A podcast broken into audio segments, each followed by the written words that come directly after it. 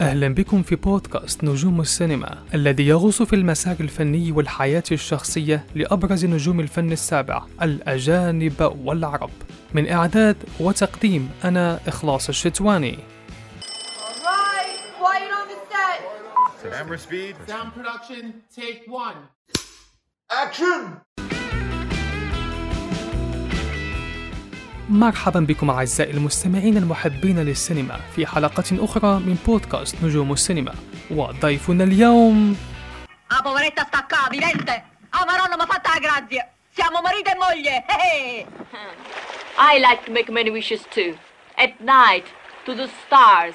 صوفيا لورن الممثلة والأيقونة الإيطالية واحدة من أشهر النجوم في تاريخ السينما ولدت باسم صوفيا كوستانزا بريجيدا في روما في 20 سبتمبر 1934 لأبوين إيطاليين هما روميلدا فيلاني وريكاردو شيكولوني وهو مهندس بناء من أسرة نبيلة والذي رفض أن يتزوج بأمها وهي معلمة بيانو وكانت تطمح أن تصبح ممثلة.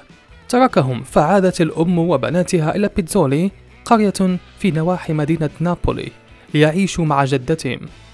التقت صوفيا مع والدها ثلاثة مرات فقط في سن الخامسة والسابعة عشر وفي عام 76 عند فراش موته. قالت أنها سامحت لكنها لم تنسى أبدا تخليه عنهم. عاشت صوفيا خلال الحرب العالمية الثانية وتعرضت قريتها للقصف المتكرر من قبل الحلفاء. أصيبت ذات يوم على إثرها بشظايا في ذقنها. بعد الحرب قامت الجدة بافتتاح مطعم في المنزل وساعدتها صوفيا وأخواتها بخدمة الطاولات وغسل الأطباق. وحين بلغت صوفيا الرابعة عشر من عمرها شاركت في مسابقة الجمال في نابولي. ورغم كونها لم تفز إلا أنها اختيرت بين متباريات النهائيات. لتجذب إليها الأنظار ولاحقا انخرطت في أحد نوادي التمثيل ورشحت في دور صغير في الفيلم العالمي التاريخي كو فاديس لميرفين ليري ويعد هذا الدور بدايتها في عالم الفن مما أتاح لها المشاركة في أفلام أخرى ثم دور البطولة وهي في سن السابعة عشر في الفيلمين الإيطاليين La Favorita سنة 52 وعايدة سنة 53 وقد غيرت اسمها بعد ذلك للاسم الفني صوفيا لورن. الانطلاقة الفعلية.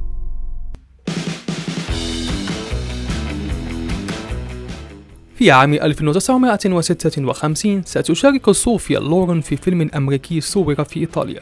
وبعدها طلب منها المنتج أن ترافقه لأمريكا ووعدها بأن تلعب أدوارا في فيلمين يشتغل عليهما. وكذلك كان حيث لعبت دور البطولة في فيلم Boy on a Dolphin سنة 57 الذي منحها شهرة سريعة. ثم في نفس السنة شاركت البطولة مع جون وين وفرانك سيناترا أبرز ممثلي هوليوود في تلك الحقبة. في فيلمين متتاليين Legend of the Lost و The Pride and Passion حيث كانت تبلغ 22 سنة فقط. تدفقت العروض وأصبحت صوفيا لورن النجمة الإيطالية حديث هوليوود والإعلام الفني الأمريكي.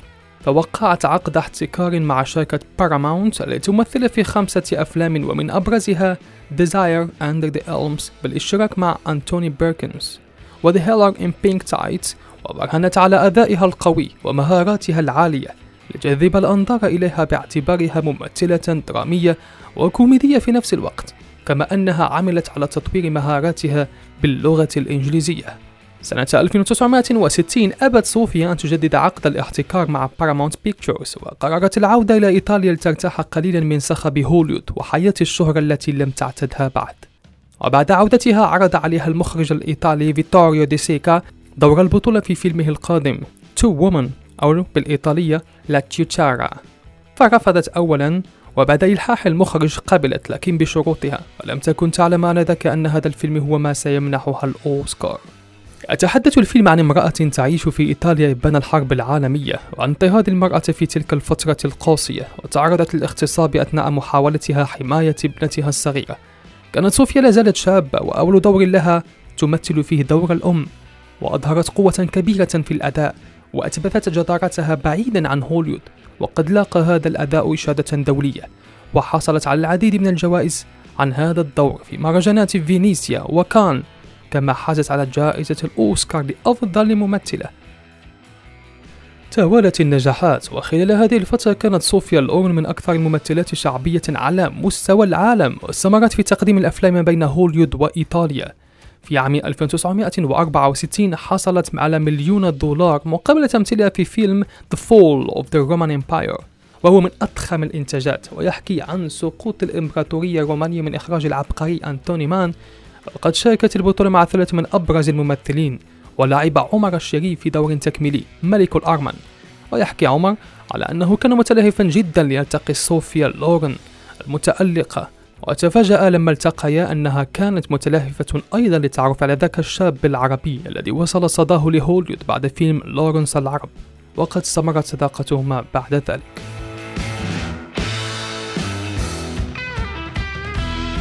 ظلت صوفيا نجمة سينمائية عالمية تتهافت عليها شركات الإنتاج ولعبت أدوارا مختلفة في أفلام متنوعة في أمريكا، إيطاليا وبريطانيا وفرنسا كذلك. في فترة أواخر الستينات والسبعينات كانت في أوج عطائها وشاركت البطولة مع أبرز ممثلي الصنف الأول كباول نيومان ومارلون براندو غريغوري بيك وتشارلتون هيستون فرانك سيناترا كاري جرانت جون وين والإيطالي مارسيلو ماستروياني والفرنسي ألان دولون وآخرون. في بداية الثمانينات وبعد زواج صوفيا وإنجابها تراجعت تدريجيا عن الظهور على الشاشة الكبيرة وفضلت قضاء معظم وقتها في تربية أبنائها وظهرت في بعض أفلام تلفزيونية إيطالية لا تتطلب الكثير من السفر والعمل. عادت للسينما بأفلام مستقلة في منتصف التسعينات ولعبت أدوارا خفيفة ك Ready to Wear أو Prêt-à-Porter سنة 94 ثم فيلم Grumpy Old Men سنة 95 وبعد ذلك كانت أكثر انتقاء في أدوارها.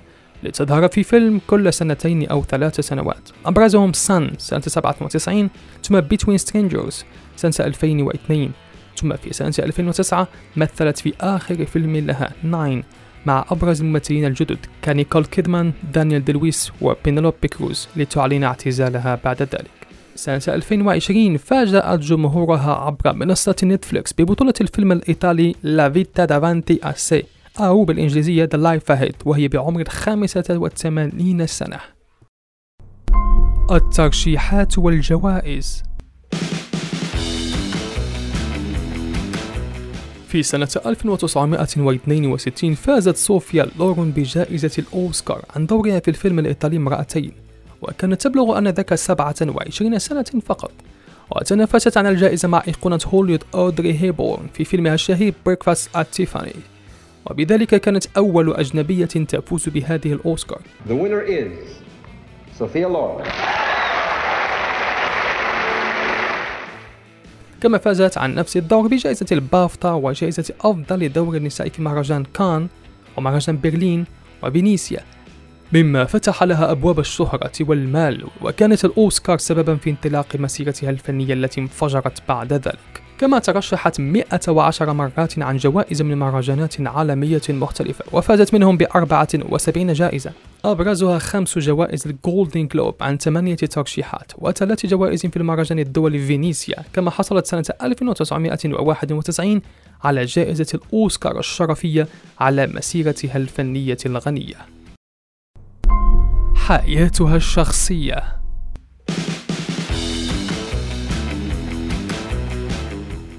صوفيا لورن فاتنة الشاشة. كانت رمزا للجمال والأنوثة مثلت إلى جانب أبرز الممثلين في العالم لكن زواجها لم يكن عن طريق الحب كما في أفلامها بل من إلحاح من المنتج كارل بونتي الذي كان يكبرها ب 22 سنة.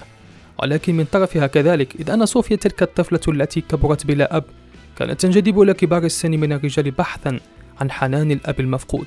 التقيا أول مرة في مسابقة ملكة جمال نابولي وهي لا زالت ابنة الأربعة عشر ربيعا فتقرب منها وساعدها لتحصل على فرص في التمثيل وأصبح وكيل أعمالها إلى أن تزوج سنة 57 ولكن لم يعلن زواجهما إلى غاية سنة 1962 لأن بونتي كان متزوجا ومن أجل التفاف على القوانين الإيطالية التي تمنع الطلاق آنذاك أصبح كلاهما مواطنين فرنسيين. رزقا بعد ذلك بولدين كارلو وإدواردو. سنة 2007 توفي زوجها كارلو بونتي عن عمر يناهز 94 سنة. بعيدا عن السينما استغلت صوفيا شهرتها في مجالات أخرى من الأعمال وأصبحت أول ممثلة على الإطلاق تطلق عطرها الخاص وتعمل في تصميم النظارات وكانت الوجه الإشهاري لماركات إيطالية وعالمية. اليوم تبلغ صوفيا 87 سنة وتعيش في جنيف بسويسرا وتنتقل بين إيطاليا وأمريكا للقاء أولادها وأحفادها.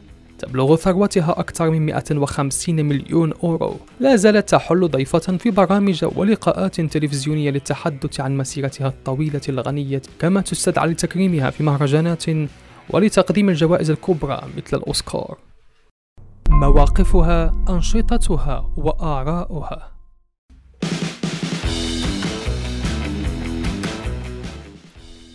بعد أن بلغت صوفيا لورن شهرة عالمية بدأت تهتم بالأعمال الخيرية وأبدت اهتماما خاصا باللاجئين.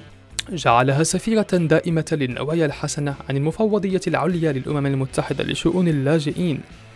لا تحب صوفيا أن تخوض في السياسة كما أنها لا تعرف عنها شيئا كما صرحت. من الصدف أن زوج أختها الصغرى أنا ماريا هو رومانو موسوليني الابن الأصغر للدكتاتور الإيطالي موسوليني الذي قاد إيطاليا إلى الهلاك في الحرب العالمية الثانية.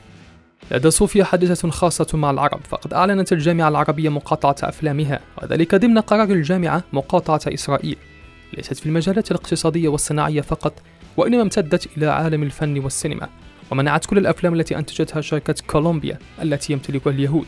وكان ضمنهم فيلم جوديث التي لعبت فيه صوفيا البطولة. وبعد أن تم مقاطعتها بعثت بخطاب للجامعة الدول العربية لتوضح أنها لا تفقه في السياسة.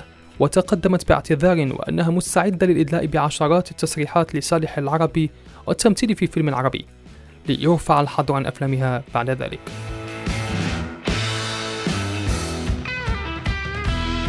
إذا أيها المستمع العزيز والمستمعة العزيزة هكذا اقتربنا من نهاية الحلقة وكانت هذه أهم محطات الأيقونة صوفيا لورن في مسارها الفني الحافل وحياتها الشخصية. وكالعادة سأذكر أهم أفلامها وأقترح ثلاثة أفلام لمشاهدتها أو مشاهدة أحدها على الأقل. قبل أن أعود إليكم في حلقة مقبلة مع نجم آخر مساره الفني قصة حياته وأبرز أفلامه.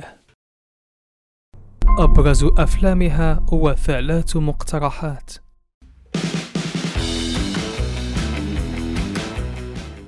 صوفيا لورن مثلت في حوالي 55 فيلما في مسيرتها التي قاربت الستين سنة. فقد كانت غزيرة الإنتاج والمشاركة في بدايتها وأثناء شبابها في أواخر الخمسينات والستينات وبعد أن وصلت للقمة تراجعت وظلت تشارك فقط في أفلام مختارة من وقت لآخر. هذه قائمة عشرة أفلام أمريكية وإيطالية وبريطانيا لعبت فيها أفضل أدوارها. في الرتبة العاشرة هاوس بوت سنة 1958 الرتبة التاسعة أرابيسك الرتبة الثامنة Ready to Wear. في الرتبة السابعة الفيلم الإيطالي المتميز إييري أوجي إيدوماني Yesterday Today and Tomorrow سنة 1964 في الرتبة السادسة Marriage Italian Style خامسا The Life Ahead وهو آخر فيلمها في 2020 في الرتبة الرابعة إرسيد أما الآن فهذه قائمة ثلاثة أفضل أفلامها على الإطلاق أرشحها لكم لتشاهد أحدها.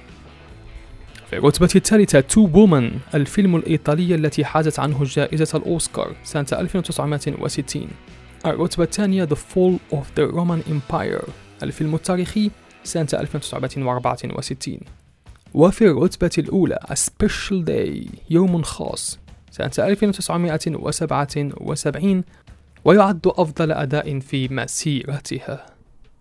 Okay, that's a wrap.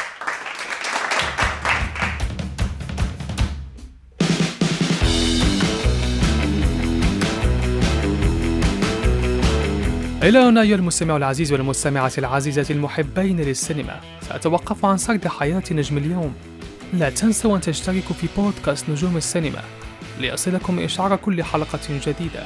وتواصلوا معي أنا إخلاص الشتواني في حسابي على الإنستغرام للتفاعل حول الحلقات واقترحوا لنجمكم المفضل ليكون ضيفنا في حلقاتنا القادمة. ورجاء شارك الحلقة مع أصدقائك المحبين والمحبات للسينما.